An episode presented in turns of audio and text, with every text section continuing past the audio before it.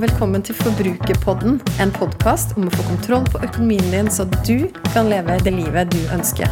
Jeg heter Kjersti Grønseth, er trebarnsmor og økonom, og er kanskje aller best kjent som forbrukerfrue. La oss snakke litt om forbruk, for alt starter med det.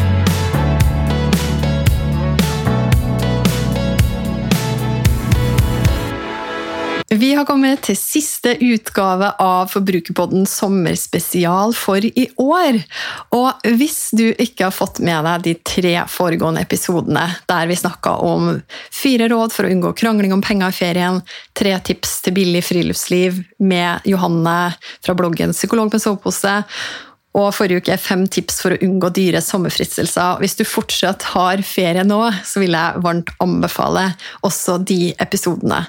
I dag så er temaet ti ting du må huske før ferien er over. Og selv om det er sånn at vi gjerne vil at ferien skal vare for evig, så er det noe deilig også med å begynne å tenke hverdag igjen etter hvert. Ikke helt ennå, for du som fortsatt har ferie, skal nyte den maks helt til den er over. Men før ferien er over, så har jeg ti konkrete ting som du må huske på. For det første jeg vil at du skal scrolle kontoutskriften din fra ferien og stoppe opp ved alle de linjene som representerer gode opplevelser for deg. Hvis du har tilgang på printer, så kan du til og med litt sånn old school printe ut kontoutskriften, ta en gul markeringstusj og markere alle de linjene som representerer gode opplevelser. Hvis du ikke har tenkt å dra den så langt, så kan du i hvert fall gjøre det på mobilen din eller på PC-en eller Mac-en.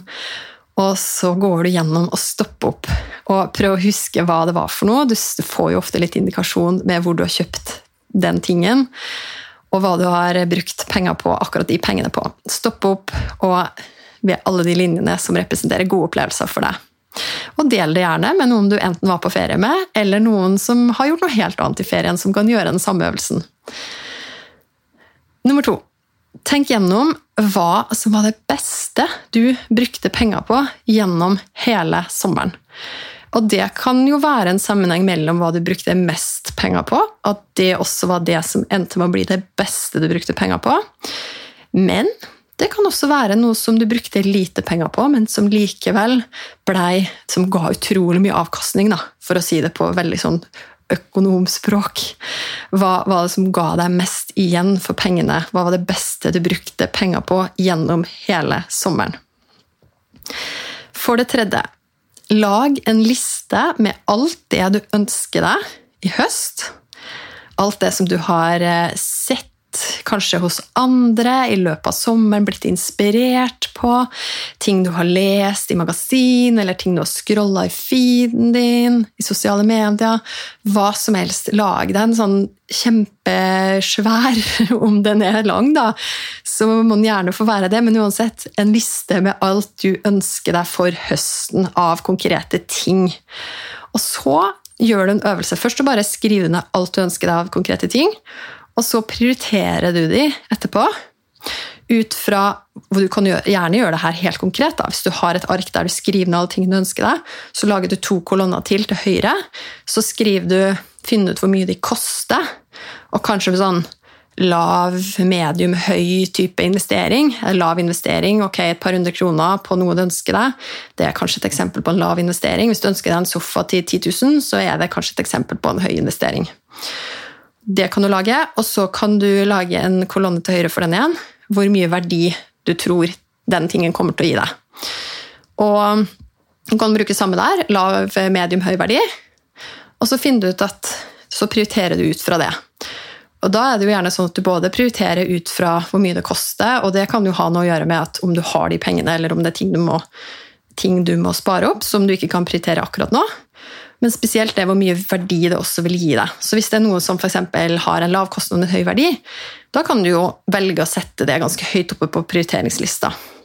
Eller du kan prioritere ut fra helt andre ting. Men lag i hvert fall den lista sånn at du er klar for høsten. For det fjerde, sett deg et økonomisk mål for høsten. Handler det om at du nå tenker at du har lyst til å begynne å investere? Sett et helt konkret mål om det. Det kan jo være så konkret som at jeg har lyst til å lære meg hvordan jeg skal investere i et aksjefond, eller sette opp en uh, månedlig spareavtale i en aksjesparekonto i løpet av høsten, eller jeg skal gjøre det innen uh, utgangen av august, f.eks. Gjør målet veldig konkret. Er det det å bygge en buffer? Hvis du er helt skrapa på konto etter sommeren, så pleier jeg å si at uh, man bør iallfall ha 10 000 kroner i en krisebuffer på konto. Litt avhengig av hva, hvor mye du eier og hvor mange du har å forsørge, men også bygge deg en superbuffer som jeg pleier å si at kan godt ja, Litt avhengig av hvilken situasjon du er i, men det er ikke noe i veien for at den er på tre måneders levekostnader. Da har du en stor og god superbuffer. Har du et mål om å betale ned gjeld, finn ut konkret hva du har lyst til å betale ned, og når du ønsker å ha nådd målet om å ha betalt ned det beløpet.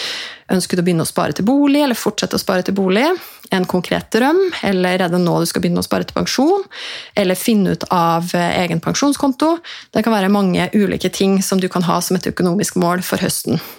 Og Hvis du er usikker på hva som er neste steg for deg i din økonomi, send meg en melding på Instagram eller en mail på heiatforbrukerfru.no, så kan vi se på det sammen. Nummer fem betal alle regningene fra ferien. Den her er veldig konkret, så, men det er viktig, for da får du en god start på høsten. Nummer seks rydd i innboksen din, i e-posten din. Meld deg av nyhetsbrev som egentlig bare er mer støy enn at det er plasser som du pleier å kjøpe varer eller tjenester fra. Rydd opp litt i innboksen din. Det er faktisk også miljøvennlig å rydde i innboksen sin.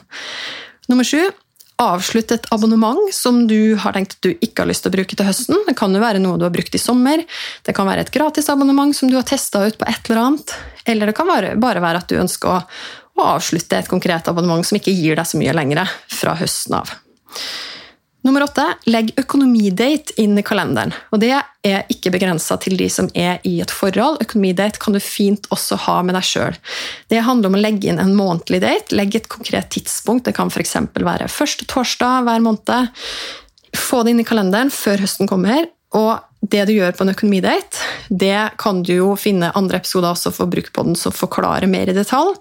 Men det handler om å gjøre opp status for måneden som har vært, og se framover og sette fokus på hva du har lyst til å gjøre noe med i din økonomi. Og så handler det om en god del drømming. Og det er jo fint også å kunne avslutte sommerferien med å drømme også videre innover for høsten og et helt nytt år. Nummer ni Finn én vane, en ny vane som du har lyst til å starte med fra høsten. Ny høst, nye muligheter. Er det å handle en gang i uka hvis du ikke allerede gjør det? Eller handler det om for å planlegge innkjøp av klær og utstyr? Det kan være hva som helst. Velg deg én ny vane som du har lyst til å starte med.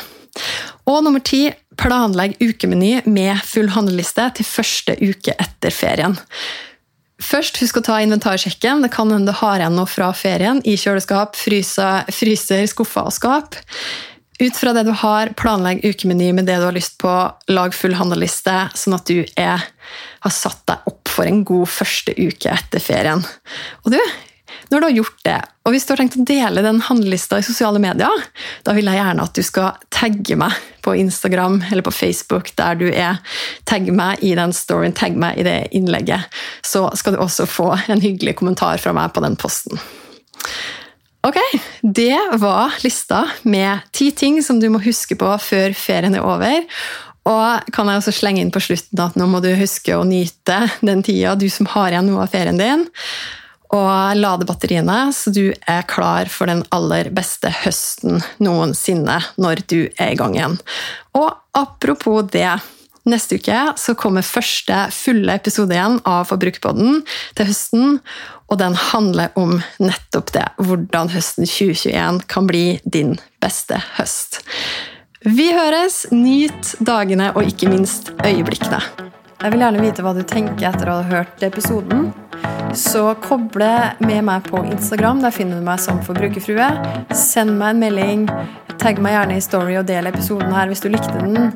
Eller send meg spørsmål. Og husk å abonnere på podkasten Forbrukerpodden, så får du beskjed hver gang det kommer en ny episode. Vi høres!